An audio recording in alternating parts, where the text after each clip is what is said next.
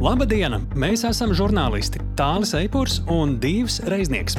Mūs no sirds interesē, kas notiek Ukrajinā, kā notiekošais tur ietekmē notikumus šeit, kā mēs šeit varam būt noderīgi cilvēkiem tur.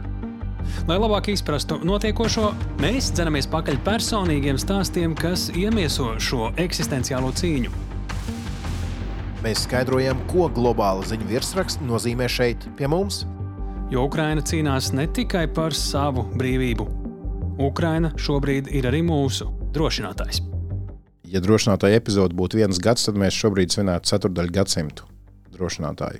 25. epizode, divas reiznieks, stāsts e-pors, to jau jūs dzirdējāt, bet mēs jūs izstāstīsim to daļu, ko jūs dzirdēsiet. Jā, mēs neatkāpjamies no tradīcijām. Arī šajā nedēļā būs eh, viena garā intervija, pieslēgšanās Kristīnai Bērziņai Vašingtonā, kur uh, ļaus mums labāk saprast aktuālos notikumus un Parunāsim nedaudz arī par uh, starptautisko kriminālu tiesu pavisam īsi. Jūs mums rakstījāt, lai mēs nedaudz paskaidrojam, mēs arī Jā. nedaudz paskaidrojam. Jums būs uh, krietni labāks priekšstats par to, ko tad īsti nozīmē šīs āresta orders Putinam, bet mūsu podkāsts ir jau tik vecs, ja, ka mēs varam atskatīties uz to arī, ko mēs esam paveikuši un uz atbalstīm par to. Un, uh, atbalsts turpinās mūsu sveču veču stāstam, kā mēs viņu paši iekšēji saucam, un tas ir par ierakumu svecēm, īstenībā ne jau par svecēm par to, cik kvalitatīvu palīdzību mēs sūtām uz Ukrajinu.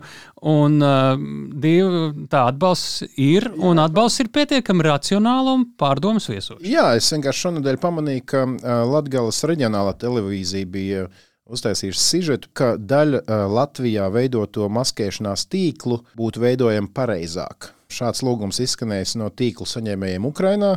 Arī paši meistari šeit, Latvijā, kuri to, tam tā pavisam nopietni piegājuši skatās, ka tie tīkli, kurus varbūt nav gatavoti meistaru uzraudzībā, Tie, nu, protams, ka ne jau aiz ļauna. Tur ir daudz mīlestības, un tas jā. ir bez ironijas. Jā, protams, bet ir izgatavot nedaudz nepareizi. Un pasakām ātri. Jā, tas galvenais kods, punktus. Lai vismaz saprotu, par ko ir runa. Jā, nu, svarīgi atcerēties, tad esot sekojoši. Pareizi būtu izmantot sintētisko audumu, Tam tīklam ir jābūt pietiekami vieglam. Sintētika tik ļoti nesamirkst, jo parastās drēbes samirkst tā, ka viņas vairs nav vienkārši paceļamas. Tas ir tāds dabā gājēju stāsts, ka, diemžēl, mīļā, mīkstā, jaukā, siltā kokvilna vai kaut kas tamlīdzīgs ātri vien kļūst smaga, tam līdzīga sintētika Tieši ātri tā. žūst un pat ir vieglāk. Ir svarīgi, lai tīkls nav par biezu. Tas ir maskēšanās tīkls, ar kuru ir jāredz tam karavīram, kurš ir zem šī tīkla.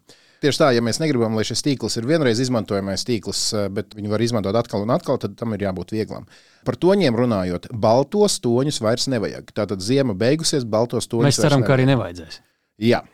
Un, eh, esot jāliek zaļie toņi, nu tad tumšie var ar brūno maisīt kopā, bet vislabāk esot paskatīties vienkārši dabā un apmēram mēģināt nu, dabūt iet jā, mežā. Google Street View un apstieties, kāda daba apkārt ir Ukrainā šajā gada laikā vai citos gadu laikos. Jā, un eh, tas tā tad vienkārši atceramies, ja mēs kaut ko darām, Un, ja mēs paši līdz galam nezinām, mēģinām atrast informāciju, šajā gadījumā ieiet LSMLV, ierakstiet meklētājā maskēšanās tīklu, atradīsiet gan šo sižetu, gan padomus uh, un tā tālāk. Nu, par svecēm, protams, klausieties mūsu iepriekšējā epizodē, ko vīri no Ukrainas Latvijas draudzības biedrības stāsta par to, kā viņi taisa ierakums veids, sakot, ka tas vēl nav vienīgais variants. Kā es to, ko es zinu, esmu pārliecināts, ka tie, kuri zina, kā dažādu veidu palīdzību sniegt Ukraiņai, viņi ļoti labprāt padalīsies ar jums padomos. Es domāju, pilnīgi noteikti. Jā. Ja.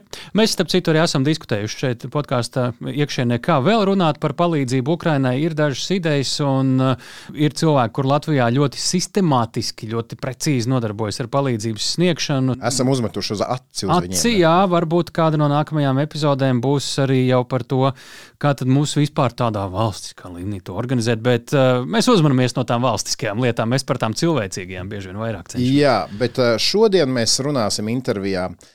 Manuprāt, ar ļoti interesantu personību. Viņa ir Amerikas ukrainiete, rakstniece, un viņa stāstīs par Ukrāņu dzīves sociālajos tīklos. Tur patiešām dažkārt iet ļoti karsti un ļoti nu, šķebinoši, bet ir arī pozitīvas lietas, par ko mēs runāsim. Nu, jāsaka tā, es to sarunu noklausījos jau, protams, pirms tam. Tiem, kuri zina angļu valodu, iesaku klausīties angļu valodā, oriģinālā valodā. Tā ir ļoti vērtīga, ļoti cilvēcīga saruna par to realitāti, kādā dzīvo šobrīd Ukraiņa, tad, kad viņi vienkārši atver vaļā savus sociālos tīklus. Tieši tā, bet tas pēc mirkļa savukārt šobrīd mēs ķersimies klāt pie nedēļas, mūsuprāt, trīs aktuālākajiem tematiem. Un tālāk es stāstu, par ko jūs runāsiet ar Kristīnu Bērziņu. Jā, nu, protams, nekādi nevarējām apiet apkārt vairāk nekā nezinu, piekdaļai, sestdaļai pasaules teritorijas. Ķīna ar Krieviju, ja saliek kopā, šo divu valstu līderi tikās. Sīdziņpiņš bija ieradies Maskavā. Tajā saka tā, atbilžu uz jautājumiem par šo vizīti patiesībā joprojām ir ļoti maz. Ko divi diktatori, viens jau ar kriminālu ierakstu savā dosjē, ir sarunājuši, bet kādreiz man liekas, ka daudz svarīgāk ir uzdot tādus īstos jautājumus, lai mēs spētu tai situācijai gudri sekot līdzi. Un uh, mēs ar Kristīnu tieši par šo vizīti uzdosim pietiekami daudz un precīzus jautājumus. Piemēram, vai Krievija un Ķīna, ja ne atsevišķi, tad varbūt tomēr kopā gan joprojām var būtiski noteikti toni pasaulē. Nu, jau pieminot šo starptautisko kriminālu tiesu, nu, kā tad būs? Kā Krievijas prezidenta oficiāla apzīmogošana ar kriminālo zīmogu ietekmēs viņa turpmāko politisko darbību pasaulē? Arī to noskaidrosim. Nu, un tad eh, divus lūdzu īpašu uzmanību pievērst jautājumam par vienu polijas vēstnieku izteikumu attiecībā uz to, ko darīs Polija, ja Ukrainai karā klāsies pavisam slikti un Krievija sāks uzvarēt. Viņš teica, Polijai nekas cits neatliks kā iesaistīties. Vai viss ir tik vienkārši? Arī par to Kristīna izstāstīs. Jā, es lūdzu, un Kristīna atbildēja. Nu, tad vārds jums, Kristīna un tālāk. Sveiki, Kristīna. Sveiki, Kristīna. Sveiki, sveiki. Ļoti saspringta nedēļa ar dažādiem notikumiem, un īpaši jau pagājušās nedēļas otrajā pusē, runājot gan par Startautisko kriminālu tiesu un Vladimiru Putinu, gan par Ķīnas līdera paziņojumu, ka dosies uz Krieviju. Viņš jau šīs epizodes iznākšanas brīdī būs devies prom no Krievijas.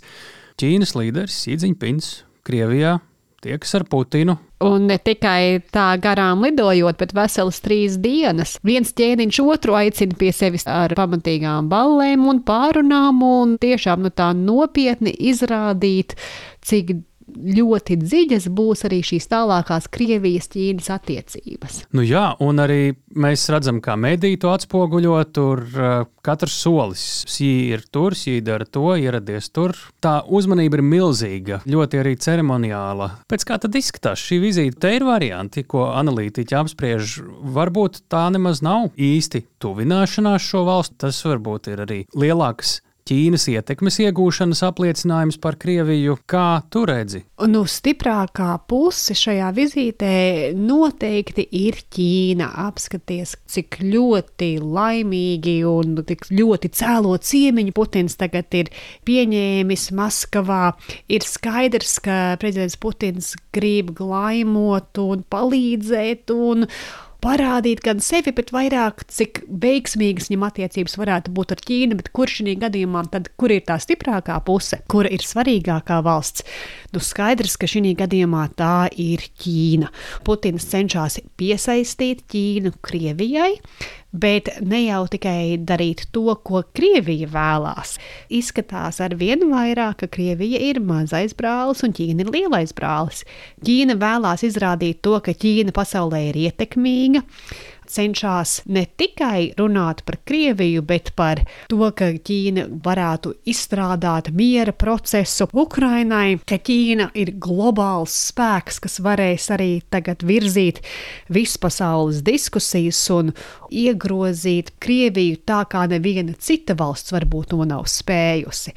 Tādēļ notiek interesanta dinamika šeit. Jā, Putins nav izolēts, pavisam pie Putina ciemojās ļoti pasaulē ietekmīgs prezidents, bet vai pēc tam Krievija iznāk stiprāka? Nu, kā Krievija viena, varbūt nē, bet vai Ķīna plus Krievija kā divas valstis kopā paliek stiprākas, varbūt tas gan. Un tad lielais jautājums šajā vizītē ir, vai veidojās tiešām dziļākas Krievijas-Ķīnas saiknes, kuras pēc tam izslēgs varbūt citus no savas pasaules, izdomās alternatīvu pasaules vadību sfēru, vai pasaule dalās uz pusēm, kad ir vērtību, ANO, tiesiskuma, starptautiskās tirzniecības organizācijas, starptautiskās krimināla tiesas organizācijas valstis, un ir otra puse, kura arvien tuvāk sadarbojās un cenšas uzbūvēt kaut kādu savu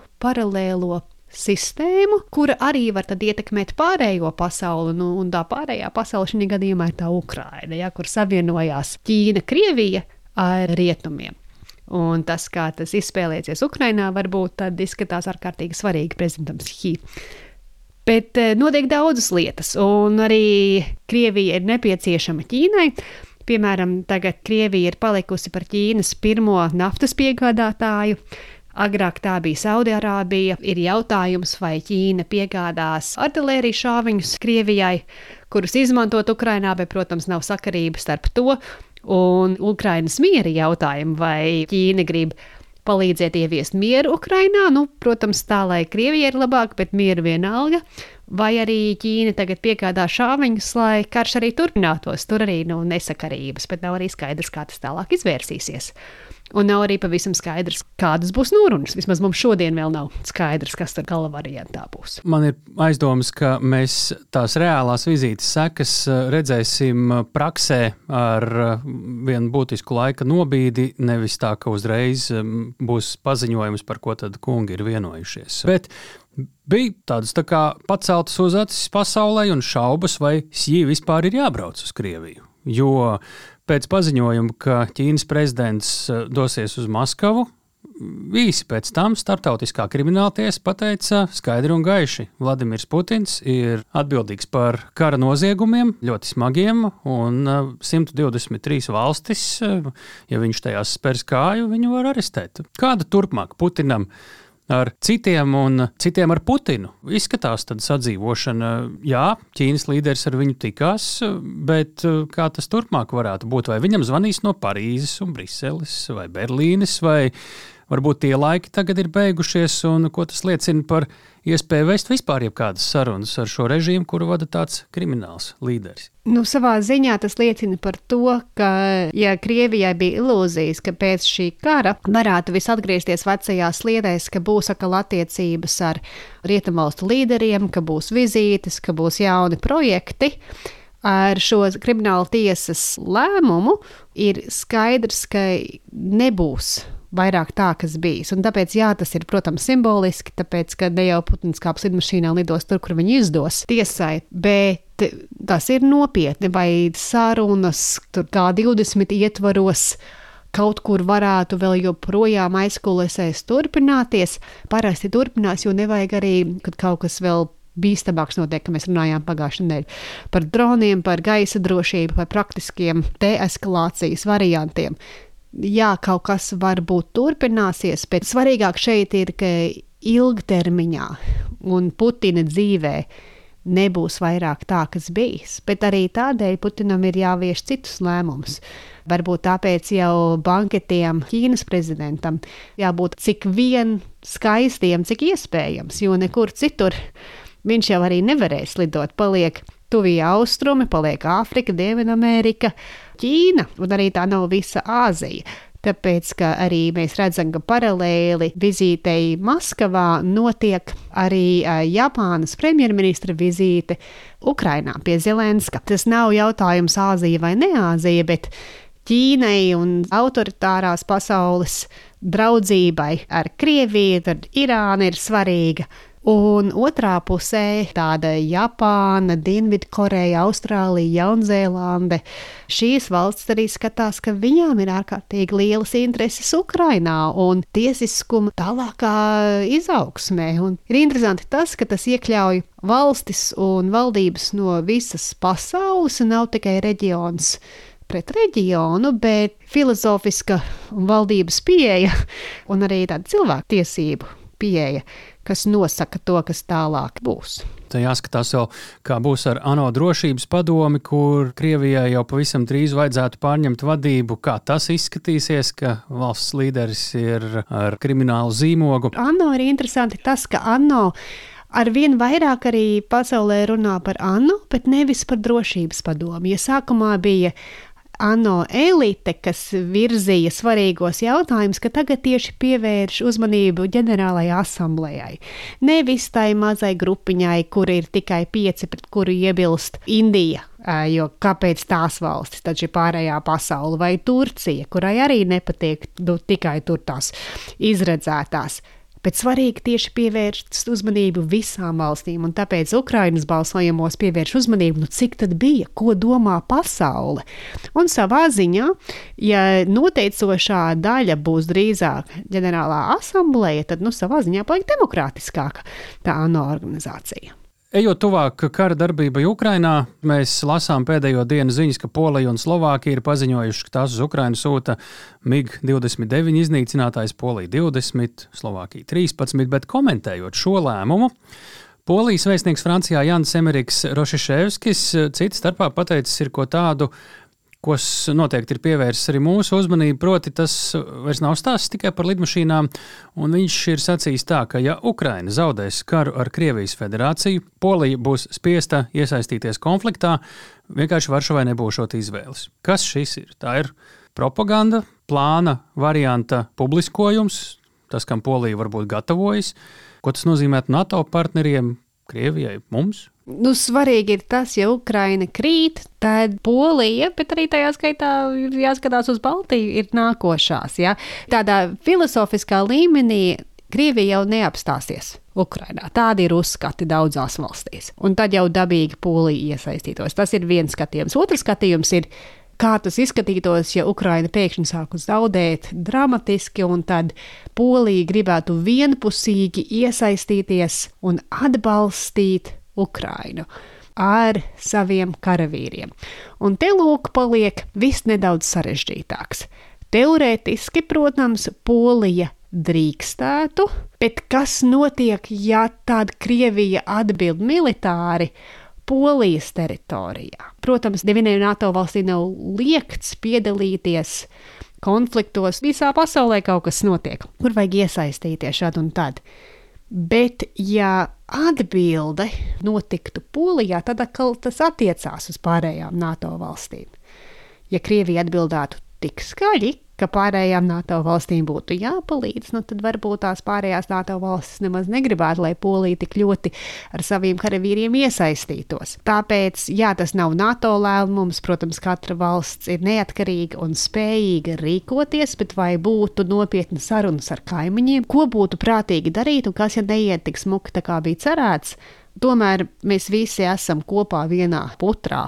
Jābūt arī saprašanai, kādas ietekmētu savus kaimiņus un savus sabiedrotos. Un tik ļoti viegli Polijai mesties Ukrainā nebūtu. Jo Polijas teritorijā Polija ir ārkārtīgi svarīga šajā brīdī tieši tāpēc, ka no Polijas nāk viss ekipējums, kuru sūta uz Ukrainu, ka tur ir ārkārtīgi liela ASV militārā tehnika un karavīri un klātbūtne. Polija nav tikai Polija. Neviena NATO valsts šobrīd nav tikai tā pati valsts. Un šo visu Krievijas jautājumu kopā ir jāmēģina atrisināt, un tāpēc tas varbūt izklausās smuki, nu, ja kaut kas notiek, mēs iesaistīsimies. Un, protams, arī filozofiski, jā, ja, ja Ukraina zaudē, tāpēc jau arī šis drošinātājs ir, jo ko tas nozīmē, ja, kas ja Ukrainā iet slikti, nu, tas attiecās uz visu austrumu līniju un Krievijas robežu reģionu. Protams, ka tas ir svarīgi, bet par neatkarīgu darbību tas nemaz tik viegli jau tas nav. Bet tas noteikti ir temats, par ko tur jāturpina runāt. Tur ir ļoti daudz nianšu, kaut vai kas notiek tādā brīdī ar Kaļiņģeradu. Paldies, tev, Kristīne, par ekspertīzi. Mēs tev sakām līdz tikšanās brīdim pēc nedēļas. Jā, labi, līdz nākamnedēļai. Līdz nākamnedēļai. Raidieraksts drošinātājs. Paldies, Kristīne, paldies, Tāli. Nu, par eh, Ķīnas vi eh, prezidenta vizīti uh, Krievijā. Jautājumi ir vairāk nekā atbildži. Skaidrs, ka ir nākuši klajā dažas publiskas lietas par gāzes vadu un tā tālāk, un tā joprojām. Bet kā tev šķiet, cik daudz palika tādu lietu, kas netika izziņots publiski. Nu, cik stundu viņam bija tikšanās reāls, par kurām nekas tā ļoti uz āru neiznāca. Tās sarunas, es domāju, tur bija ļoti nopietnas. Bija tie mazie brītiņi, kur tā epizode, kur Sī atvadās no Putina un uh, iekāpja mašīnā. Un, uh, tur izskan tā frāze, ka šobrīd esam simtgades uh, lielākajā vēstures pagriezienā, iespējams. Daudzi novēroja šos neverbālos žestus. Nu, es pamanīju, piemēram, to, ka Putins cītīgi māja sīvu uz atvadām, sīva neko nemāja, vienkārši iekāpa mašīnā. Es lasīju dažus komentārus, ka uh, tā atvedās cilvēks, kad zina, ka to otru vairs nekad nesatiks. Ne, bet kas interesanti ir, ka tajā pēdējā dienā, kad viņš aizbrauca projām, tad Pekina izsludināja, ka pirmo reizi jaunā formātā notiks Ķīnas un Centrāla Āzijas samits. Tur- Krievija kā ir drusciņā Centrālā Azijā, bet vai tur Nē, bija nē, Krievija? tur nav Krievija. Tur jau Lūk. tā lieta, ka tur ir Kirgīzija, Kazahstāna, Taģikistāna. Taģikistāna. Proti, visas bijušās PSRS republikas, kas nu tā, līdz šim vienmēr tikušas uzskatītas par Krievijas ietekmes sfēru. Nu, nevelti. Pēc šīs vizītes Maskavā cilvēki mēdz teikt, ka nu, Krievija kļūs par tādu Ķīnas vasalu. Nu, un, es domāju, ka starp mūsu dažādām uz priekšu vēl esošajām epizodēm mēs redzēsim, vai tad Sī piezvanīs vai būs piezvanījis arī Zelenskim, par ko tā kā dūmi kūpēja, bet uguns joprojām nav parādījusies. Visi ļoti gaidīja, vai būs kādas ziņas par to, vai Ķīna sniegs militāro palīdzību Krievijai. Publiski nekas par to netika runāts. Uh, bet, kas ir interesanti, kamēr Ķīna ar Krieviju tur tusē, tikmēr ASV nu pat izveidojusi savu astoto pastāvīgo militāro garnizonu Eiropā. Tālu, kur tas varētu tas būt? Polijā. Jā, Polijā, jā, tas lūk. ir ļoti zīmīgi, jo es domāju, tie garnizoni Eiropā, nu, kas ir tie septiņi, tie es pieļauju, ir tur tāda Vācija, kas ir gadu desmitiem un tam līdzīgi. Šīs ir tāds. It kā liekas, nu, kas tur vienu tādu neatvērt amerikāņiem, bet šī nav bieži parādīta. Bet ir tās dažas ziņas, kas ir ļoti, ļoti zīmīgas. teiksim Tā. Amerikāņi sūtīšot uh, nedaudz vecākus leopardu tankus, bet ātrāk. Savukārt, ar ko atbild Krievi? Nu, ar ko atbild Krievi? Krievi no savām dziļākajām rezervēm tālajos austrumos izvilkuši T-54 un 55 sērijas tankus. Tie ir no 60. Ne? Nē, tāli. No otrā Te- pasaules. kara? T-54 tā prototypu izstrādāja 1945. gada beigās. Sērija veida ražošana sākās 47. gadā, tas ir pirms 76 gadiem. Nu, tie, kas ā, apskatnieki saka, ka tos varot šaut nost nu, ar jebko gandrīz. Vai. Nē, nē, nē. saprotiet, kā ā, tanks tomēr ir tanks. Ja tas var šaut, protams, ka tas var nodarīt kaitējumu. Iespējams, viņus izmantos kaut kādos mācību poligonos, lai vienkārši iesauktie vispār saprotu, kas ir tanks. Protams, bet, mēs bet, bet to tā viss tas vizuālais ir tik. Crazy. Nu, kādus 70 gadus vecus tankus, lai arī tas tanks ir ā, tur visvairāk pārdotais pasaulē. Labi, ejam tālāk. Mēs solījām ā, paskatīties uz to Putinu un Startautisko kriminālu tiesu ā, par to, ko tas īsti nozīmē. Izejam cauri tiem dažiem svarīgākiem punktiem. Uh, punkts numur viens. Kāpēc apsūdzības ir tieši šādas? Tātad par bērnu nelegālu izvešanu un par uh, civilās infrastruktūras bombardēšanu. Uh, eksperti saka, ka tās ir visvienkāršāk pierādāmās, pierādāmās lietas. Piemēram, bērnu izvešana. Krievi paši ir devuši izmeklētājiem pierādījumus. Lūk, audio no abu apsūdzēto tikšanās, kurā Marija Vova Belova, kas ir Krievijas bērnu ombudsmens, stāsta Putinam, kā viņa ir adoptējusi bērnu no Mariupoles. Putins prasa, vai maziņš bērns, viņa atbild, nē, jau 15 gadi, un tagad viņa zinot, ko nozīmē būt mammai Donbasa bērnam. Un tas pateicoties Putinam. Сами ребенка установили из Мариуполя, да? Да. Владимир Владимирович, ну, благодаря вам. М- Маленький. Нет, 15 лет. Теперь я знаю, что такое быть мамой ребенка с Донбасса. Un tagad grib vēmt tālu. Konkrēts jautājums. Nekad, bet uh, es sapratu, tu, tu neatkāpsies. Es neatkāpšos. Es tev vienkārši pateikšu, kā ā, šī te Marija Ļuvova Belova ā, nokomentēja izdoto arestu orderu uz savu vārdu. Lieliski, ka starptautiskā sabiedrība novērtējusi mūsu darbu, glābjot mūsu valsts bērnus. Ah, Labi, ejam tālāk. Ā, Vēl ir ļoti svarīgi, ka orders ir izdots tātad diviem cilvēkiem, pašam augstākajam un pa vidiņu. Nu, tādam birokrātam pa vidiņu tajā rangā, Ā, kas liek domāt šim visam birokrātiskajam aparātam Kremlī, Maskavā, Krievijā, ka var atnākt pēc jebkura, var jeb, pret jebkuru izdot orderi. Vai tas kaut ko mainīs? Ej, nu sazin, Medūza rakstīja, ka uh, paša ordera izdošana Putinam esot bijis pārsteigums, to mēs, protams, nevaram neapstiprināt, ne noliegt, uh, bet, nu, katrā ziņā šī ir tāda lieta, par ko domāt uh, Kremļa cilvēkiem. Es domāju, ka viņam tas, jebkurā gadījumā, vai viņš to gaidīja vai ne, negaidīja, prognozēja vai neprognozēja, ir liels trieciens. Jo viņa brīvība ir būtiski ierobežota. Pat ne tā, kas pārvietošanās, viņš tāpat pēdējā laikā nekur daudz nebrauc, bet jebkāda veida uh, saskarsme ar citu pārējo pasauli, viņam ir jārēķinās ar šo visu. Jā, visam šim aparātam ir, jādomā, un te ir interesanti, ka patiesībā līdz šim Gandrīz visas valsts galvas, kuras starptautiskā krimināla tiesa ir tiesājusi, tika arestētas pašu valstī. Mums vistuvākais, geogrāfiski vistuvākais būtu Miloševičs. Vai būs vēl apsūdzības? Pilnīgi noteikti, ka būs apsūdzības, jo mēs zinām, ka jau vairākus mēnešus Ukrainā darbojas starptautiskie izmeklētāji, e, īpaši koncentrējot uzmanību uz masu abadīšanas vietām. Tur vienkārši tas ir milzīgs darbs, lai savāktu šos pierādījumus, jo skaidrs, ka tur viss ir. Tur nav emociju, tur ir pierādījumi. Katrā ziņā, e, ja jūs interesē nedaudz vairāk par uh, nolaupītajiem bērniem un to procedūru, kā tas notiek un ko tas nozīmē reālajā dzīvē, paklausieties drošinātāji trešo epizodi. Tur mēs eh, gana daudz par tieši par bērnu nolaupīšanu runājām.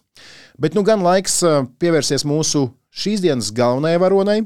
Un tā ir Tetjana, kurā ir no literatūras pasaules nācis cilvēks, bet tas nebūs galvenais sarunas temats. Tātad vispirms svarīgi saprast, nevis Tatjana, bet Tetjana. Intervijā varbūt dzirdēsiet, jo klausīsieties oriģinālā valodā, ka izklausās, ka es saku Tatjana, bet es principā saku Tetjana. Vainojiet manu izrunu. Tetjana Denforda ir ASV dzimusi un augusi ukrainiete, kur pamanīju Twitterī, runājot par Ukrainas kultūru, notikumiem Ukrainā. Un ik pa laikam pavarot priekškaru arī uz to, kāda ir um, kara apstākļos Ukraiņu dzīve sociālajos tīklos. Izrādās ne tā patīkamākā. Taču mēs eh, nerunāsim tikai par negācijām, arī par to, kas dod spēku, kādas atklāsmes nākušas, un pie reizes es viņai paprasīju arī dažus ieteikumus par ukraiņu kultūru, nu, kas mums būtu jāizlasa, jānoklausās un tam līdzīgi. Kā, jā. Nu, ko, divas reiznieks eh, Tetjana Denforda iesaka klausīties oriģinālā valodā, bet, protams, ka, kā jau katra intervija, kur nav latviešu valodā, ir ar tulkojumu. Tad, ja jūs šobrīd paskatāties epizodes nosaukumā, tad jūs redzat kurā valodā būs intervija tālāk, vai nu latviešu tulkojumu, vai oriģinālu. Angļu valodā šajā gadījumā.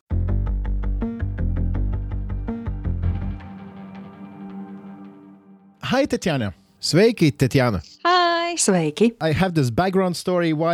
Man ir vesels stāsts, kāpēc es jūs vispār uzrunāju. Uh, biju pamanījis dažus jūsu ierakstus Twitterī, un uh, tajos runājāt par uzbrukumiem internetā, kas daudziem ukrāņiem šobrīd jāpiedzīvo. Uh, Jā, Jā. Bet uh, pirms mēs runājam par to, vai jūs varētu nedaudz izstāstīt par sevi? Sure. Protams, paldies par uzaicinājumu uz sarunu. Tas ir jauki.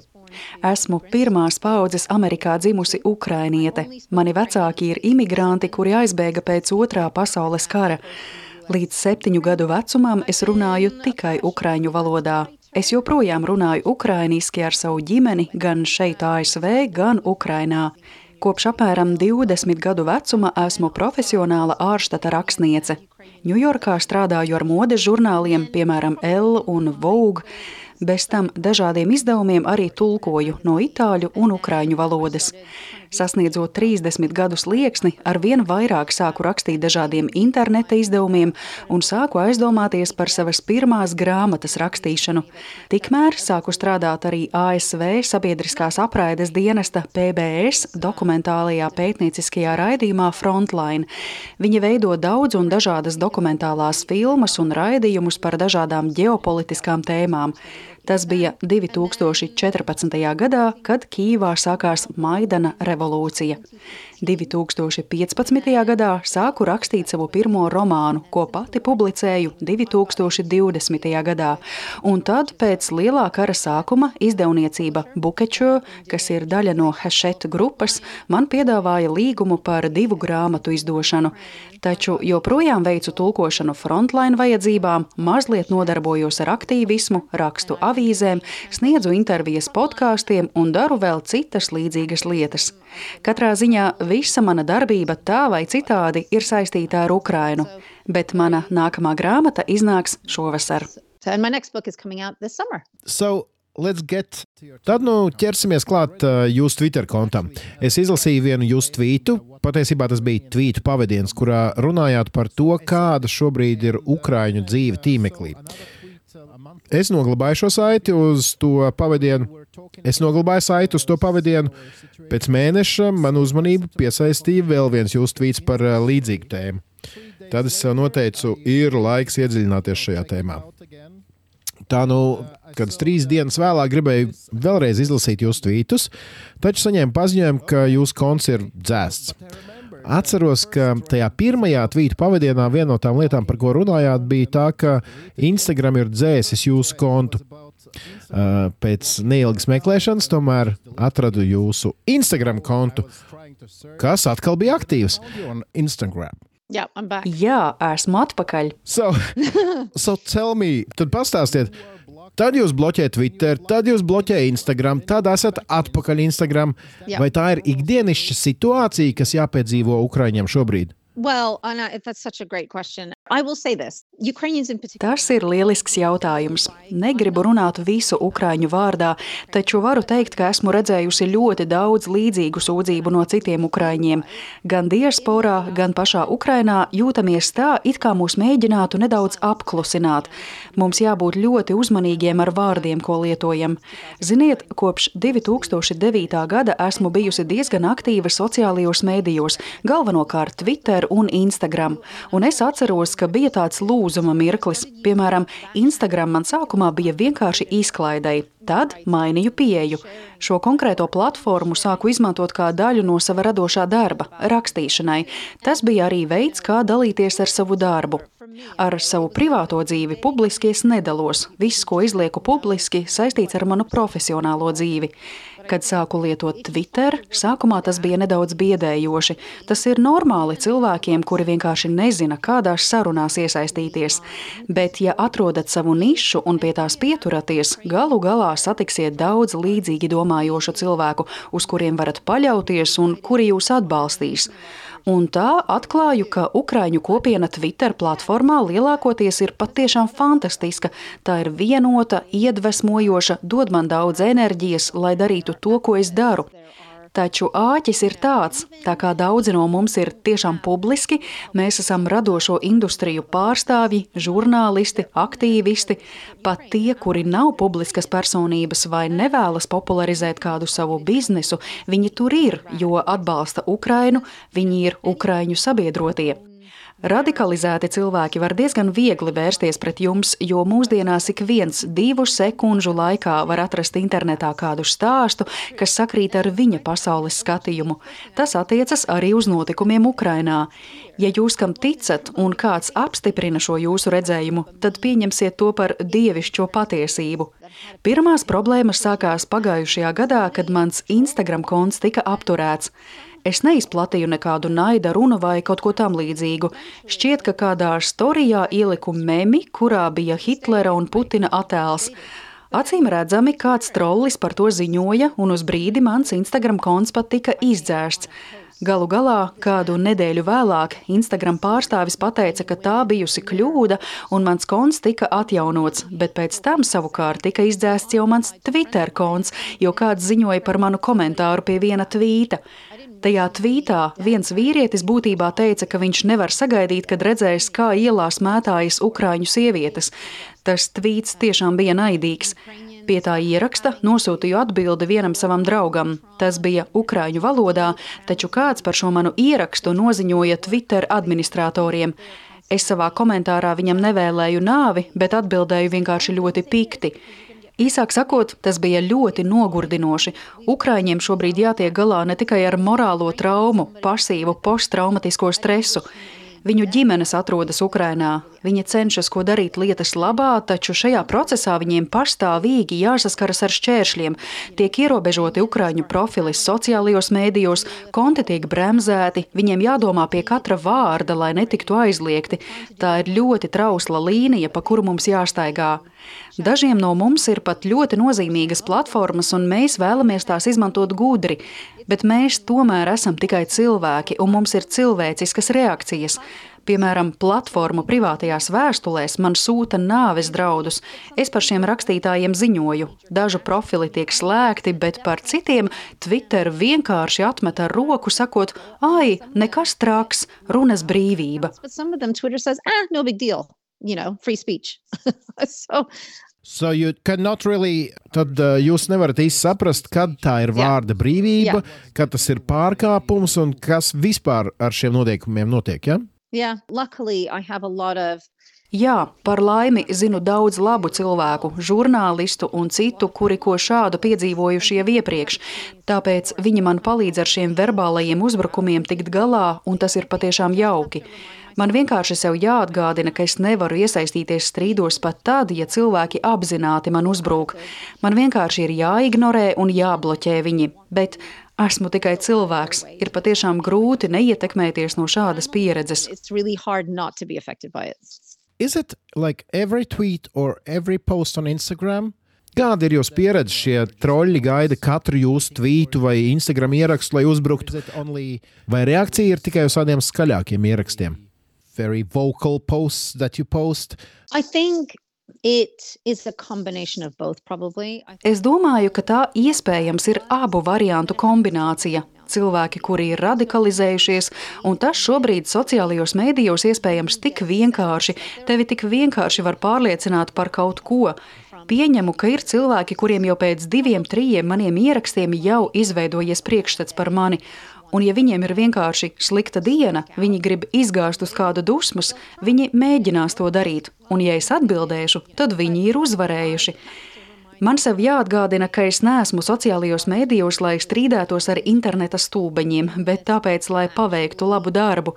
Bet izrādās, ka kāds mans komentārs bijis tieši ideāls, lai mani dabūtu gar zemi. Es nevienam nenovēlu ļaunu, es neesmu tāds cilvēks. Tas nav veids, kā darbojos, taču dažreiz pavadu pārāk daudz laika cenšoties propagandas izplatītājiem censties stāstīt, kā ir patiesībā. Tas ir nomācoši, jo visu savu dzīvi esmu dzirdējusi tekstus: Ak, kas ir Ukraina? Neviens nezina, kur atrodas Ukraina. Tu būtībā esi krieviete. Tāpēc varbūt dažreiz es to uztveru pārāk personīgi. Right. But do you have the sense, are those... Jums ir nojausma, vai šiem uzbrukumiem ir īsti cilvēki? Šo jautāju, jo ir taču zināms, ka Krievijai ir troļu fermas, kas uh, ļauj uzbrukt cilvēkiem, kuri tiem nepatīk. Yeah. Those who they don't like. Es domāju, ka tur ir mazliet no visa, godīgi sakot. Piemēram, Twitter audio diskusijās parādās cilvēki, un daži no viņiem īsti cilvēki patiešām ir pārliecināti, kad saka, tu neesi tas, par ko uzdodies, tu neesi ukrainiete, tu esi krievu spiegs, Viņi var teikt patiešām absurdas lietas, un, kā jau teicu iepriekš, mūsdienās sociālajos mēdījos radikalizēties var patiešām viegli, var mesties iekšā nezināmajā un atrast konspirācijas teorijas par jebko.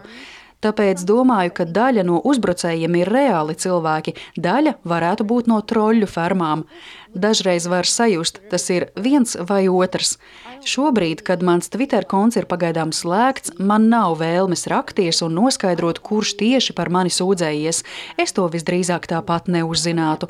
Galu galā tā man ir mācība. Varbūt man vienkārši nevajag atbildēt cilvēkiem, kuri mēģina uzsākt strīdu people who are just trying to pick a fight. I think just a few days ago I read a good recipe. Es pirms dažām dienām izlasīju labu recepti, starp citu, kā iespējams atklāt amerikāņu troli.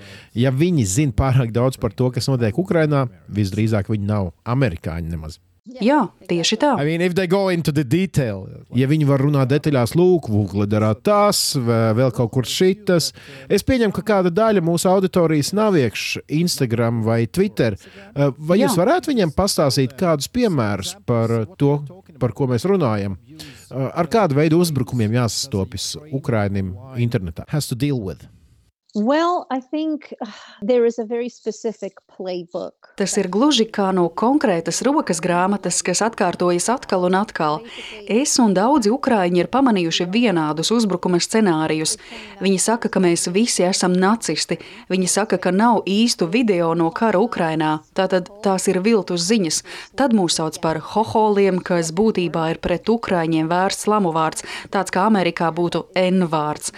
Es nenolieku starp to vienādības zīmi, taču tas ir diezgan nejauki.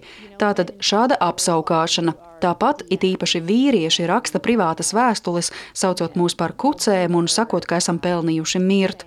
Dažreiz tas var būt patiešām stulbi, bet dažreiz tas var būt biedējoši un agresīvi. Man personīgi ļoti, ļoti nepatīk, kad pret ukraiņu sievietēm izturas kā pret priekšmetiem, ko lietot un izmest. Krievu telegram kanāli ir pilni ar šādiem ierakstiem, kuros saka, o, tikām galā ar vienu, kārta nākamajai, iznīcināsim viņus visus. Viņi smejas par ziņojumiem, kuros minēts, cik daudz izvarošanu bijis. Tas ir pretīgi un man personīgi sev jāatgādina, ka mana reakcija uz šādiem ziņojumiem ir tieši tas, kāpēc tādi tapuši. Mana reakcija baro šos cilvēkus, tādēļ viss, ko es varu darīt, ir ziņot un bloķēt. Tas ir vienīgais, ko šobrīd mēs varam darīt. Es nedrīkstu tērēt savu laiku, reaģējot uz katru šādu lietu, jo tieši uzmanība ir tas, ko viņi vēlas, lai arī kāds būtu iemesls. Es nezinu, kas notiek šo cilvēku dzīvēs aiz aizvērtām durvīm. Es nezinu, vai viņi ir īsti cilvēki vai boti vai troļļu fermas, tas ir cits stāsts. Šķiet, neviens vien no viņiem domā, ka viņu rīcība ir pieņemama. Man tas šķiet mežonīgi. appropriate almost. It's wild to me. Has your family? Vai jūsu ģimene ir teikusi, hei, šis ir jāpārtrauc, vienkārši nē, internetā būs gana? Oh, yeah. Enough is enough. Yeah, yeah, definitely. O, jā, noteikti. Es teiktu, ka tas, ko daru internetā, ir visai sakarīgi. 90% no tā, ko rakstu, ir par ukraiņu mākslu, kultūru, vēsturi, valodu, par tām ukraiņu lietām, kas, manuprāt, ir skaistas un maģiskas. Es to uzskatu par sava veida cerības iedvešanu cilvēkos, tāpēc es gribētu teikt, ka mana darbība ir visai pozitīva. Bet ik pa laikam es ļaujos tikt ievilkta drāmā, un tie ir brīži, kad Mani bērni par to nezina. Viņi nav sociālajos mēdījos, viņi nezina, kas notiek, un tas ir lieliski. Bet jā, vīrs man atgādinās, ka šī nav tas, kas esi. Ļauj aktīvistiem ar šo tikt galā. Ja kāds mēģina tevi ievilkt strīdā, vienkārši neiesaisties. Un viņam ir taisnība. Viņam vienmēr ir taisnība. Ik pa laikam mani tiešām iesūdz tajā drāmā, sasodīts well, you just said, pirms mirklīša teicāt, ka esat internetā, lai darītu labu. Ko jūs ar to domājat? Mums, Ukrāņu radošajiem, nākamais solis ir mēģināt radīt jaunus stāstus par Ukrainu, jo kādā brīdī parādīsies vienaldzība. Ir tikai dabiski, ja cilvēki kādā brīdī teiks, ak, Dievs, es vairs nevaru klausīties ziņas par Ukrainu. Cilvēki šai tēmai sāks pagriezt muguru. Mūsu, kā radošo darbs, ir pateikt, jā, tev taisnība, bet Paskaties uz šo vēsti. Tā iespējams nav nekāda sakara ar karu vai postījumiem, bet citām lietām. Piemēram, skat, šī glezna agrāk bija uzskatīta par krievu, bet nu metropoles muzejs to klasificējas kā ukraiņu, vai te ir literatūra, ko visdrīzāk neesi lasījis, un ja esi, tad visdrīzāk domāji, ka tā ir krievu. Es lepojos ar to, ko daru, jo cenšos būt ukraiņu stāstnieks. Esmu rakstniece, kas raksta balstoties uz patiesiem notikumiem. Mana pirmā grāmata, Ukrainas bērns, ir neticams ģimenes, Ukrāņu ģimenes ceļojums, kas saskaras ar daudziem šķēršļiem, un tas reizēm ir satraucoši, bet tas dod cilvēkiem cerību jo es esmu šeit tikai tādēļ, ka mani senči katru dienu cīnījās, lai izdzīvotu un saglabātu savu mantojumu dzīvu. Tāpēc es nesaku, ka darbs, ko dara Ukrāņu radošie internetā, ir svarīgāks par, teiksim, to, ko dara karavīri frontē vai brīvprātīgie vai jebkurš cits, kas ir kopā ar Ukrainu. Mums visiem ir vienlīdz svarīgs darbs. Esmu pārliecināta, ka mēs esam spēcīgāki, ja darbojamies vienoti, nevis novēršam uzmanību uz troksni, kas parādās sociālajos mēdījos. Vai šī pārliecība ir tā, kas palīdz turpināt iesākt to? Yeah, that... yeah, I mean, it, sorry to interrupt. I definitely... Tas, kas man liek turpināt, ir, ziniet, ir tā, ka Kad biju jaunāka, man parasti teica, ka būtībā esmu krieviete vai ka ukraiņu valoda principā ir krievu valoda. Neviens nezina, kur atrodas Ukraina, mēs esam tikai bariņš zemnieku. Par laimi vai diemžēl, bet tieši šī kara dēļ es esmu atklājusi šo neticamo ukrāņu ģimeni, kas izkaisīta pa visu pasauli. Arī cilvēkus, kurus nekad neesmu satikusi, bet nu ceru to kādu dienu izdarīt. Tie visi savā ziņā kļuvuši par manu jauno ukrāņu ģimeni. Mani radošās pasaules kolēģi ir tie, kuri atgādina, ka galu galā mums jābūt patiesiem tajā, ko darām. Man tas nozīmē rakstīt grāmatas, dalīties kultūrā un mantojumā, kā arī sadarboties ar citiem. Un vēl viena lieta, kas man ļauj darboties, ir būt atbildīgai par lietām, ko saku internetā, jo dažreiz instinkts mudina reaģēt uz kaut ko, bet beigu beigās ilgtermiņā tas nenāk par labu Ukrainai. Vai tas palīdzēs Ukrainai, ja strīdēšos ar trolli? Nē. Šobrīd mērķis ir būt izcilai profesionālai un Ukrainas uzvara. Viss pārējais ir otršķirīgs. The goal right now is to, to is is professional excellence and victory for Ukraine. Everything else comes second. Do I understand correct? Vai pareizi saprotu, ka pēdējā gada laikā esat kļuvusi par lielāku ukrainieti nekā bijāt līdz tam? Really because... Ir patiešām dīvaini tā teikt, jo es vienmēr esmu bijusi ukrainiete. Tomēr savos vēlīnējos tīņa gados es noguru atkal un atkal klausīties, ka Ukraina nav kultūra, Ukrainai nav mantojuma. Cilvēki to man teica atkal un atkal, un tad uz mirkli sāku savu ukrainietību ignorēt. Man žēl, ka tā notika, it īpaši šādā vecumā, kad cilvēks parasti sāk apzināties, kas viņš ir, un Ukrainas izcelsme tobrīd nespēlēja lomu šajā procesā. Cilvēki nesaprata ukrainietību. Bet šobrīd, jo vairāk mūs mēģina izdzēst no kopējās bildes, jo lielāka kļūst mūsu apņēmība būt ukraiņiem.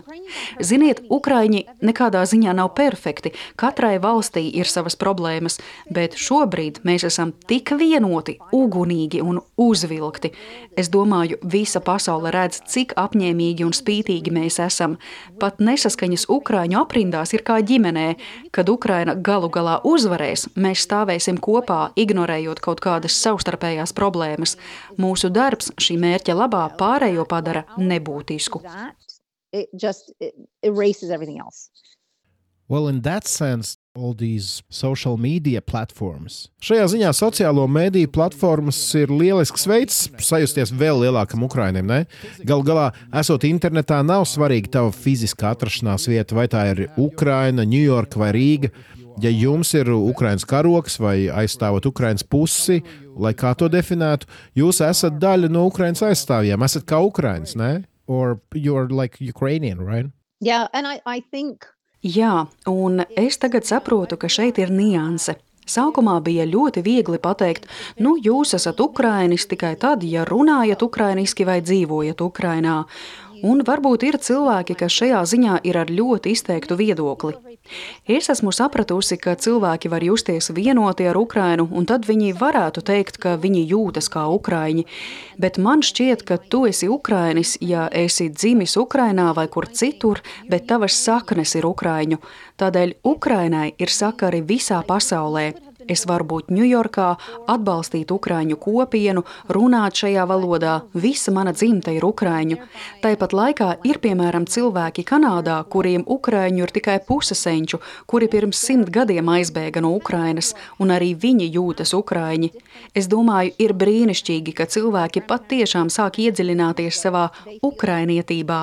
Tas nav īsts vārds, es to pati izdomāju. Deep into their Ukrainianness. Not a word, but I just made that up. So I know you have kids. Es zinu, ka jums ir bērni.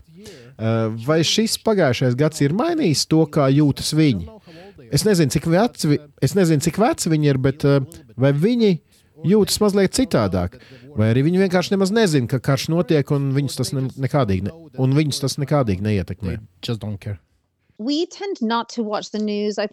Mēs mēģinām neskatīties ziņas. Es domāju, ka ASV mēdīji tiešām ir kļuvuši jokaini, bet es bērniem rādu rakstus avīzēs un tam līdzīgi. Viņi ir jauni, bet pietiekami veci, lai saprastu, kas notiek.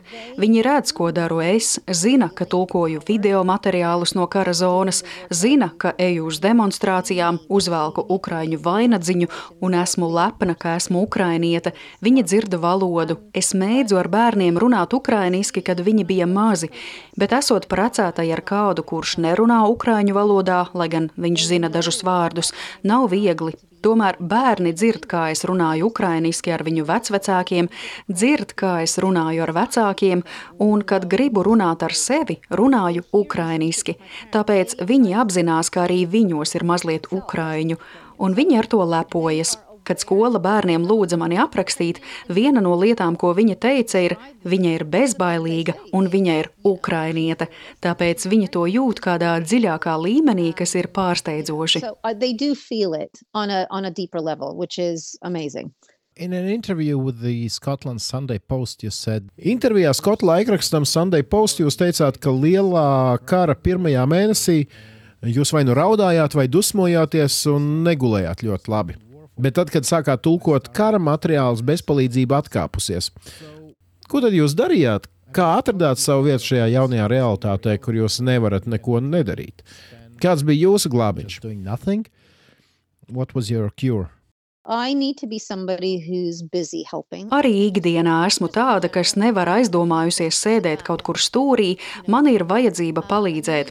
Man ir jājūt, ka es kaut kādā veidā piedalos, un tobrīd es sajūtos mazliet bezpalīdzīga. Nu, ko man vajadzētu darīt? Es nevaru ielēkt lidmašīnā, lai dotos uz Ukrainu, jo tas ir bīstami, bet es arī nevaru vienkārši sēdēt un skatīties ziņas Ņujorkā. Tā es sajuktu prātā. Tāpēc, izmantojot sociālos mēdījus, es darīju zināmu visiem, ka esmu gatava darīt, kas nepieciešams, lai būtu noderīga Ukraiņu diasporai. Tad ar mani atkal sazinājās no Frontline raidījuma. Ar viņiem biju strādājusi kopš 2014. gada, un tad viņa teica, redz kā, mēs atkal strādāsim kopā, jo mums ir safilmēti daudzi materiāli, kas ir jāiztulko, un tas man ļāva sajust, ka daru savu artavu. Sākumā es kādu brīdi nespēju sazvanīt savus radiniekus Ukrainā. Tas bija drausmīgi, bet viņiem viss ir kārtībā. Es neesmu tā, kura sūdzas, es gribu kaut ko darīt. Pat ja šajā procesā es pieļaušu kļūdas, man svarīgi atrast veidu, kā palīdzēt. Man sociālo mediju kanālos par laimi bija cilvēki, kas man sekoja gadiem ilgi, zināja, ka esmu ukrainiete, bet tagad es gribēju būt pilnīgi pārliecināta, lai skatoties manos kontos, par to nebūtu nekādu šaubu. Gribēju, lai cilvēki zina, runāju ukrainiski un varu būt noderīga. Un tā sanāca, ka grāmata, ko pati biju izdevusi jau 2020. gadā, tika pamanīta. Mani uzrunāja izdevēji, sakot, ka cilvēki gribēs dzirdēt stāstus par ukrāņiem, piemēram, cerīgus stāstus, ne tikai tādus, kur ir ukrāņi, kas upurē savu dzīvību un vairs neatgriežas, kas ir šausmīgi. Tobrīd uzmanības centrā nonāca Ukrāņu sociālo mēdīju satura veidotāji, un es biju viens no tiem cilvēkiem. Esmu ļoti lepna runāt par lietām, ka tas ir piemēroti. Daudzkārt man nācies teikt, runājiet ar cilvēkiem, kuri šobrīd ir Ukrainā un slēpjas bumbu patvērtnēs. Bet, ja jautājums ir par ukrāņu diasporu un satura veidotājiem, ar prieku esmu viena no šīm balsīm. Kind of I remember the first week um, Uh, es atceros pirmo nedēļu, kad uh, es vienā sarakstā mēģināju apkopot visus uzticamos neatkarīgos ziņu avotus uh, no Krievijas un Ukrainas. Sākumā to darīju latviešu valodā un izdomāju pēc tam palūgt uh, draugu palīdzību, lai iztulkotu arī krieviski, lai ļautu Krievijā dzīvojošiem krieviem redzēt dažādus ziņu avotus. Nu, tas prasīja kādu laiku, taču to izdarīju, ieliku šo sarakstu medium.com. Un uh, tad sekoja viena no laikam, lielākajām vilšanās reizēm pēdējā gada laikā. Nu, protams, ja neskaitām visas tās briesmas, uh, kas notikušas karā. Tā bija apjausma, ka nav tik daudz to cilvēku, kas Krievijā meklētu šos neatkarīgos informācijas avotus. Vai jūs arī esat iekrituši šajā slazdā, cenšoties kādu pārliecināt par to, kas īsti notiek? What's really going on? Or... Oh, yeah. It's, I, I, I always joke that it was like shouting into the abyss. O, jā, es jokoju, ka tas bija kā kliegt bezdibenī. Jums vienkārši ap sevi jāpulcē pareizie cilvēki, kas pastiprinās jūsu vēstījumu. Tas ir viss, ko var izdarīt. Ja iekrītis lasdā, cenšoties pārliecināt cilvēkus, kuri uzskata, ka krievu argumentācija ir pamatota, tas ir bezjēdzīgi. Kā teicu jau iepriekš, tagad ir tik viegli radikalizēties. Mēģinot viņus pārliecināt, tu vienkārši izsvied savu laiku. Ir vienkārši jāizvēlas cits veids, kā būt noderīgam. Man paveicās, ka man bija Twitter auditorija, kas ātri izauga no 2 līdz 12 tūkstošiem sekotāju, bet šis pieaugums bija dabisks, jo es iesaistījos sarunās ar cilvēkiem uz vietas, kuri saprot nianses. Kāpēc sarunājos ar cilvēkiem no Kyiv Independent, nevis Kyiv Post, cilvēkiem, kuri saprot, ka Navaļnīs nav glābējs, kā to uzskata rietumos. Pateicoties šim līdzīgi domājošo pulkam, mēs spējam padarīt viens otra vēstījumus dzirdamākus. Ja es iesaistītos kādā nejaušā sarunā par Navaļniju un skaidrotu savu pozīciju, dažreiz cilvēki tiešām ieklausās un saka, o, to es nezināju, bet daudz biežāk ir tā, ka cilvēki iebilst, nē, viņš taču dabūja Oskaru. No vienas puses, labi, es saprotu, ka īsti nepārzināt tēmu, bet jums arī tomēr būtu jāmēģina saprast tā bagāža, ko Ukraiņi nesuši gadiem un kas veido viņu pašreizējos uzskatus.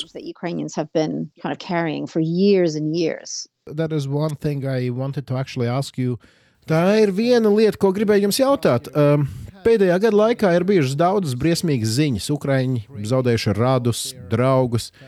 Bet vai šis gads ir atnesis arī ko tādu, kas dod cerību? Jūs minējāt par atbalstu, ko varat gūt internetā. Teicāt, ka ir cilvēki, kuri vienmēr jūs atbalstīs. Tāpēc jautāšu, vai ir bijis arī kas pozitīvs, ko jums devis šis gads? I love this question, but I hate using the word positive, but I know where you're coming from. Man patīk šis jautājums, bet es noteikti negribu lietot vārdu pozitīvs. Es gan saprotu, ko ar to domājāt. Tas ir pamatots jautājums. Karš manās acīs ir tik nevajadzīgs, taču interesantā un spēku sniedzošā lieta, kas no šī ārprāta ir nākusi, ir tas, ka Ukraiņi arī es ir atklājuši atbalstošu kopienu visā pasaulē, uz kuru var paļauties, kas izaicina un iedvesmo. Mūsu ukrainietība iespējams bija kļuvusi nedaudz miegaina, taču nu esam piedzīvojuši jaunu tās evolūciju un pat revolūciju, un katram ukrainim šī evolūcija ir citādāka. Tas ir kā pirkstu nospiedums, kas katram ir atšķirīgs. Šī pašapziņa tiek izteikta tik daudzos dažādos veidos, un man tas šķiet skaisti. Vai tā būtu māksla, vai tā ir biznesa uzsākšana, vai tā ir nepadošanās gaisa reida sirēnām, turpinot dzīvot savu dzīvi. Ukraiņi ir spītīgi kā elle. Viņi saka, tas ir tas, ko nozīmē būt Ukrainim. Mēs turpinām savu ikdienu, mēs nedzīvojam bailēs. Tas ir tik skaisti, ka cilvēki neviltoti grib noskaidrot, ko nozīmē valsts ģērbonī esošais simbols, ko simbolizē dzeltenzilais karoks. Ir tik daudz cilvēku, kas kladzina šo stāstījumu, ka viss Azovs ir neonacistu bars, lai arī simbolam viņu karogā nav nekādas saistības ar neonacismu. Tā vietā, lai pieņemtu, ko kāds ir teicis, cilvēki paši sāk pētīt, viņi interesējas un grib iemācīties arī valodu. Visi šie sīkumi kopā veicina to, lai Ukraina ieņemtu svarīgāku lomu uz pasaules skatuves un nebūtu visu laiku Krievijas ēnā. Un tas man šķiet skaists pavērsiens šajā traģēdijā. Kind of a beautiful development in the face of tragedy. Hei, let's use this chance. Izmantosim šo iespēju, lai sniegtu mūsu auditorijai dažus ieteikumus. Nu, nosauciet vienu grāmatu, kur latviešiem noteikti vajadzētu izlasīt, viena filma, kas būtu jānoskatās, viena glezna, ko latviešiem vajag redzēt, vai nezinu, viens muzikālais darbs, ko vajadzētu noklausīties, lai labāk izprastu mūsu ukraiņu draugus. Um, Runājot par mūziku, Spotify par laimi ir gluži pārpludināts ar ukraiņu mūzikas sarakstiem. Hey, I have made one. Es pats arī tādu esmu izveidojis. See? Oh my God, I love this. But this is the thing. People are discovering, even me. Redz, ak, mans dievs, tas ir tik jauki. Bet tā ir tā lieta, ko cilvēki um, atklāja. Like Pat es, man ļoti patīk tautas dziesmas un vecais tautas stila dziedāšanas veids, kas ir ļoti nazāls un, manuprāt, ir skaists. Bet cilvēki atklāja arī patiešām modernu ukraiņu mūziku, piemēram, um, tvorči vai boombox vai Ak, oh, kurš uzvarēja oh Eirovīziju? Oh um, Kaluša orķestrā. Yes, kaluš. Jā, kaluš. Ziniet, vienkārši ienirstiet Spotify, un jūs to visu paši redzēsiet. Tas ir absolūti skaisti. Viena no maniem favorītiem ir Aļona Aļona. Viņa ir īsts vēls. Jūs atradīsiet gan ārkārtīgi skaistas šūpuļdziesmas, gan enerģijas pilnas, ugunīgas dziesmas, kas jums iedos kārtīgu enerģijas lādiņu. Ja runājam par filmām, tad tur jāskatās. Būs cilvēki, kur ieteiks filmu Mr. Jones, kas ir par velsiešu reportieri, kurš atklāja holodomoru. Tā ir laba, lai gan īsti neatspoguļo to, ko Ukrāņi pārdzīvoja. Tā ir tāda ļoti rietumnieciska versija, es teikšu. Varu ieteikt Winter on Fire, kas pirms daudziem gadiem parādījās Netflix, un tajā ir arī mans pirksts. Filmā iekļautas arī manis tulkotas epizodes. Tā ir filma par Maidana revolūciju. Ja runājam par grāmatām, ak, Dievs! Es teiktu, ka visaptverošākais darbs iespējams ir Annes Appelbaumas sarakstītais sarkanais bats. Tas ir tāds fundamentāls darbs, kurā autore tiešām iedziļinās daudzās vēsturiskās niansēs, ko Ukraina piedzīvojusi attiecībās ar Krieviju. Es vēl ieteiktu Serhija Žadana grāmatas, viņš ir fantastisks dzinieks, tad vēl Ilja Kaminskis, bet kopumā ieteiktu iegūglēt vai Twitter meklētājā ierakstiet ukraiņu dzinieki vai ukraiņu mākslinieki. Jūs atradīsiet tik skaistas filmas, arī mākslas darbus. Piemēram, Metropoles mākslas muzejs Ņujorkā nesen nomainīja Degā darba nosaukumu no dejotāja Krievu tautas tērpā uz dejotāja Ukraiņu tautas tērpā, kas ir skaists skaists solis uz priekšu. For... Mēs droši vien varētu turpināt vēl stundām. I know, I could, es I could. zinu, ka varētu. Jā.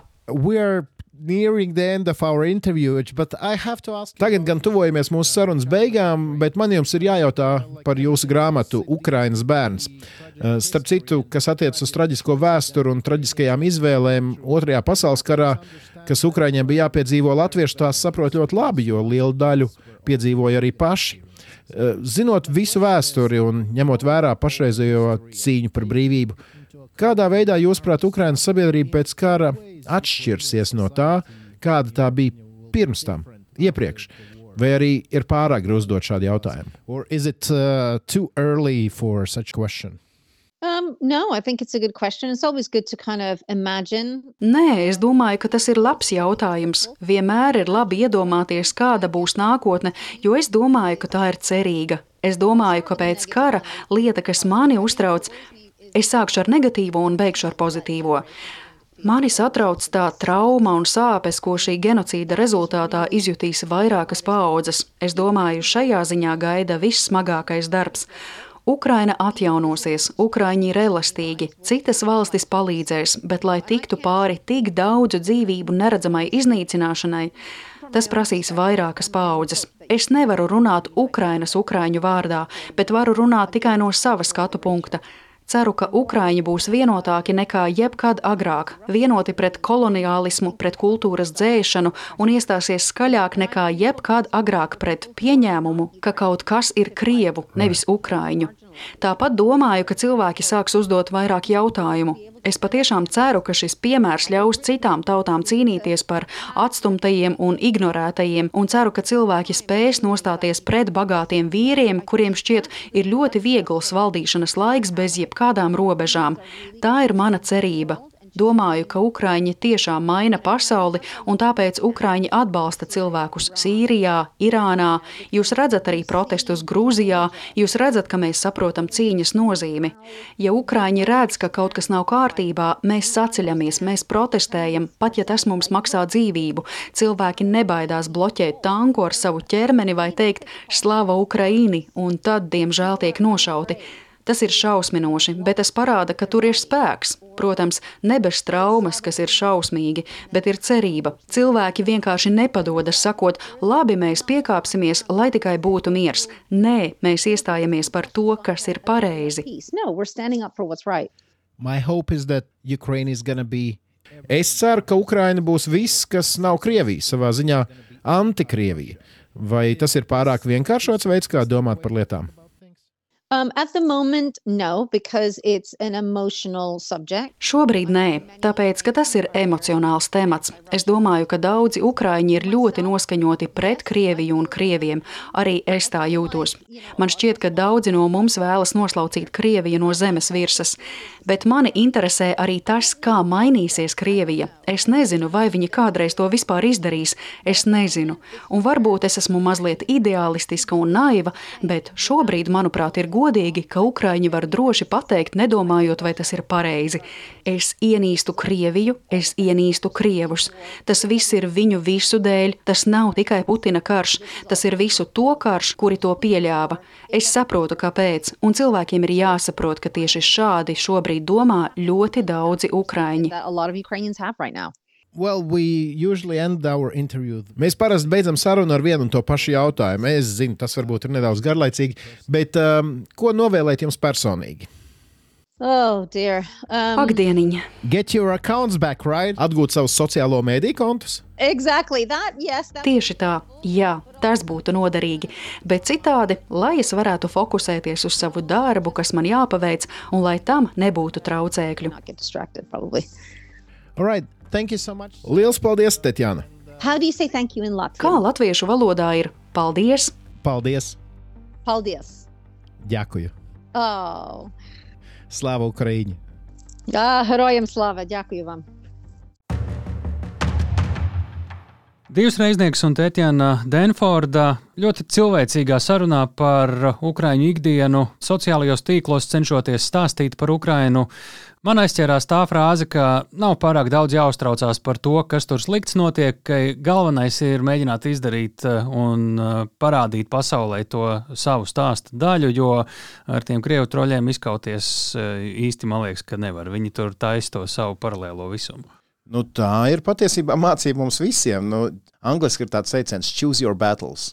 Izvēlies tās savas cīņas. Nu, kam ir vērts veltīt enerģiju un kam nav vērts veltīt enerģiju. Un, ja jūs tikai sākat savu dzīvi Twitteros, vai Facebookos, vai Instagramos, uh, nu, vispirms, protams, katram ir ragi jāaplauž, bet uh, tad jau sapratīsiet, kad ir vērts iesaistīties kādās diskusijās un kad tas ir neliederīgi. Un palīdzam Ukrāņiem sociālajos tīklos. Tā kā nu varam. Tieši tā, tieši tā.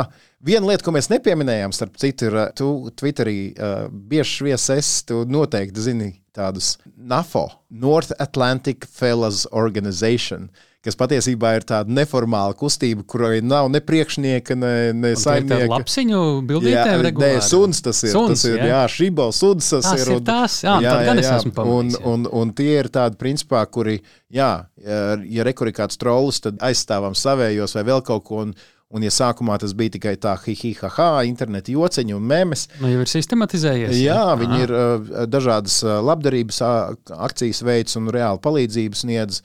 Un, starp citu, Igaunijā, kur arī ir šādi aktīvisti, Igaunijas digitālā kaut kāda lielā nacionālā balva pat iedeva viņiem pirms mēneša, diviem iedeva speciālu balvu šai neformālajai kustībai internetā, kas uh, cīnās par un ar Ukrajinu. Es varu ieteikt, Twitterī jūs gribat uh, tādu saturu, kas ir pro-ukrainisks, bet te pašā laikā krievu valodā varat padalīties tur ar uh, saviem draugiem, kuri varbūt uh, krieviski domā citādi. Ir Latvijas vatņiki, tāds labs uh, konts, kā to saka pareizi podkāstu valodā, šautauts viņiem. Ja? Šautauts, ok, labi, jā. Tāds uzsauciens. Bet, ja jums šķita šī saruna interesanta, nu padalieties, iedodiet mums savu šautautu. Jā, padalieties ar cilvēkiem, dodiet linku. Jūs varat mums rakstīt, drošinātājs at Latvijas Radio LV. Tāpat uh, lietojiet hashtag drošinātājs Twitteros un visur citur. Un, um, jā, es ceru, ka arī mūsu šīs nedēļas galvenā viese Tetjana Denforda drīz atgūs savu Twitter kontu, kā viņai tas izdevās ar Instagram. Un, uh, jā, cīnāmies uz priekšu. Nu, un, eh, es saprotu, mūsu galvenajam sociālo tīklu un dažādu faktu meklētājiem, divam reizniekam, ir atradies pie rokas arī nedēļas citāts. Ah, jā, uh, šis ir, šis ir no uh, BBC intervijas ar Ukraiņas ārlietu ministru Dmitro Kulebu. Es tagad uzreiz pateikšu to tulkojumu, lai man nav virsū pēc tam jārunā. Viņš saka sekojošu lietu. Ukraina vēsturiski bijusi netaisnīgi nenovērtēta. Man žēl, ka vajadzēja asins izliešanu un postošu karu, lai pasaule saprastu, cik nu, kūlīgi, forši, stilīgi mēs esam. Mēs vienmēr tādi esam bijuši. Vienkārši jums vajadzēja pārāk ilgu laiku, lai to saprastu. Historically, Ukraine was unfairly underappreciated, and I regret it took a bloodshed and a devastating war for the world to realize how cool we are. And we, we were always cool, but it just took you too much time to realize that. Tas ir Ukraiņas ārlietu ministrs Dmitro Kuleba, bet mēs jums sakām, Drošinātājs skaidri un personīgi par kāru Ukrajinā.